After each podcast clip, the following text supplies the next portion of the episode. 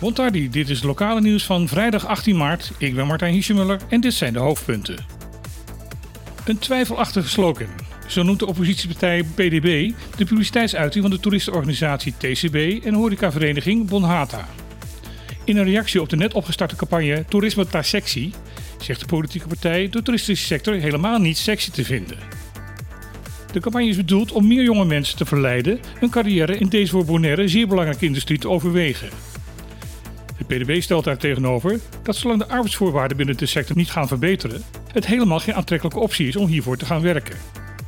Zo zijn de lonen uiterst kaardig, is er geen pensioenopbouw, is er geen kinderopvang voor mensen die in weekenden moeten werken en is er ook geen vervoer voor personeel op onhandige tijdstippen. Ook is een carrièrepad in deze bedrijfstak zeer onzeker, omdat er geen scholingsmogelijkheden zijn op HBO-niveau op het eiland. De partij wil daarom dat de branche werkelijk daden gaat stellen, in plaats van een oplossing gaan zoeken in het plakken van een mooi nieuw etiketje die de lading niet dekt. Zoals al eerder deze week door ons werd gemeld, gaat het makkelijker worden om naar Bonaire toe te reizen. Dit gaat zelfs eerder gebeuren dan door ons werd gemeld. Al op 20 maart, komende zondag dus, hoeven mensen die volledig gevaccineerd zijn geen negatief testresultaat te overleggen. Dit geldt voor alle landen van de wereld, behalve voor mensen die uit Europees Nederland komen. Deze reizigers moeten hier nog drie dagen langer op wachten. Op woensdag 23 maart zal deze versoepeling ook voor hen gaan gelden. De reden hiervoor? Het moet eerst nog door de Tweede Kamer goedgekeurd gaan worden. Mensen die geen of geen volledige vaccinatie hebben en mensen die langer dan 270 dagen hun laatste vaccinatie hebben gehad, moeten nog wel een negatieve testresultaat kunnen overleggen. Voor iedereen geldt nog wel dat er een gezondheidsverklaring ingevuld moet worden. De douanebest, de Koninklijke best, de Korps Politie Caribisch Nederland, de gezaghebbers van de openbare lichamen en het Openbaar Ministerie BES hebben een nieuw beleid ingesteld met betrekking tot sportwapens. Dit zijn onder andere airsoft, paintball en luchtdrukwapens.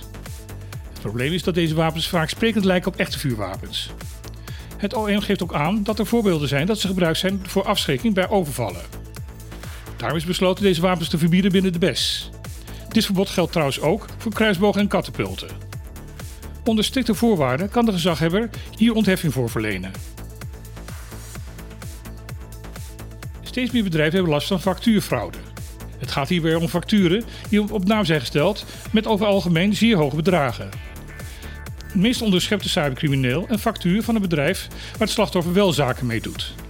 Deze facturen worden daarna doorgestuurd met een hoger bedrag en een veranderd rekeningnummer. De politie raadt alle ondernemers van Bonaire aan hier alert op te zijn en maatregelen te nemen om dit soort fraude in te perken. Neem bij twijfel contact op met het bedrijf waar de verdachte factuur vandaan zou komen. Check het bedrag en controleer of het rekeningnummer op het betalingsverzoek overeenkomt met het nummer dat al bekend is. Wees er ook op bedacht dat de telefoontjes met dwingend karakter kunnen volgen met de oproep om zo snel mogelijk te betalen. Doe bij iedere poging van fraude aangifte bij de politie en waarschuw wanneer er toch geld overgemaakt is zo snel mogelijk uw bank. De verkoop van de bank de Caribe lijkt uiteindelijk toch door te gaan. Zoals het er nu naar uitziet zal de United Group Holding binnenkort de nieuwe eigenaar van de bank zijn. Naar verluid zal het Algemeen Pensioenfonds Curaçao ook een van de aandeelhouders gaan worden. Toch is daarmee de lange weg van de bank van de ene eigenaar, NEA Caribe Holding, naar de nieuwe nog niet ten einde. De aandeelhouder van NEA, Houssam Ansari, heeft gedreigd met gerechtelijke stappen. Deze Amerikaanse miljardair is vorig jaar veroordeeld wegens malversaties met betrekking tot NEA en de bank. Ansari bestrijdt deze veroordeling en vindt de verkoop van de bank onwettig. Hij heeft aangekondigd om ook de koper van de bank voor de rechter te zullen slepen. En dan zoals altijd tot slot het weerbericht. Het zal over het algemeen zonnig zijn, een beetje winderig, maar het blijft tot de meeste plaatsen droog. De maximumtemperatuur in de middag zal 31 graden zijn en in de avond wordt dat 25 graden. De wind is matig tot vrij krachtig, windkracht 4 tot 5, met uitschieters van 6 tot 7. Voor morgen geldt dat er waarschijnlijk stevig kan gaan waaien, met zo nu en dan relatief ruwe zee.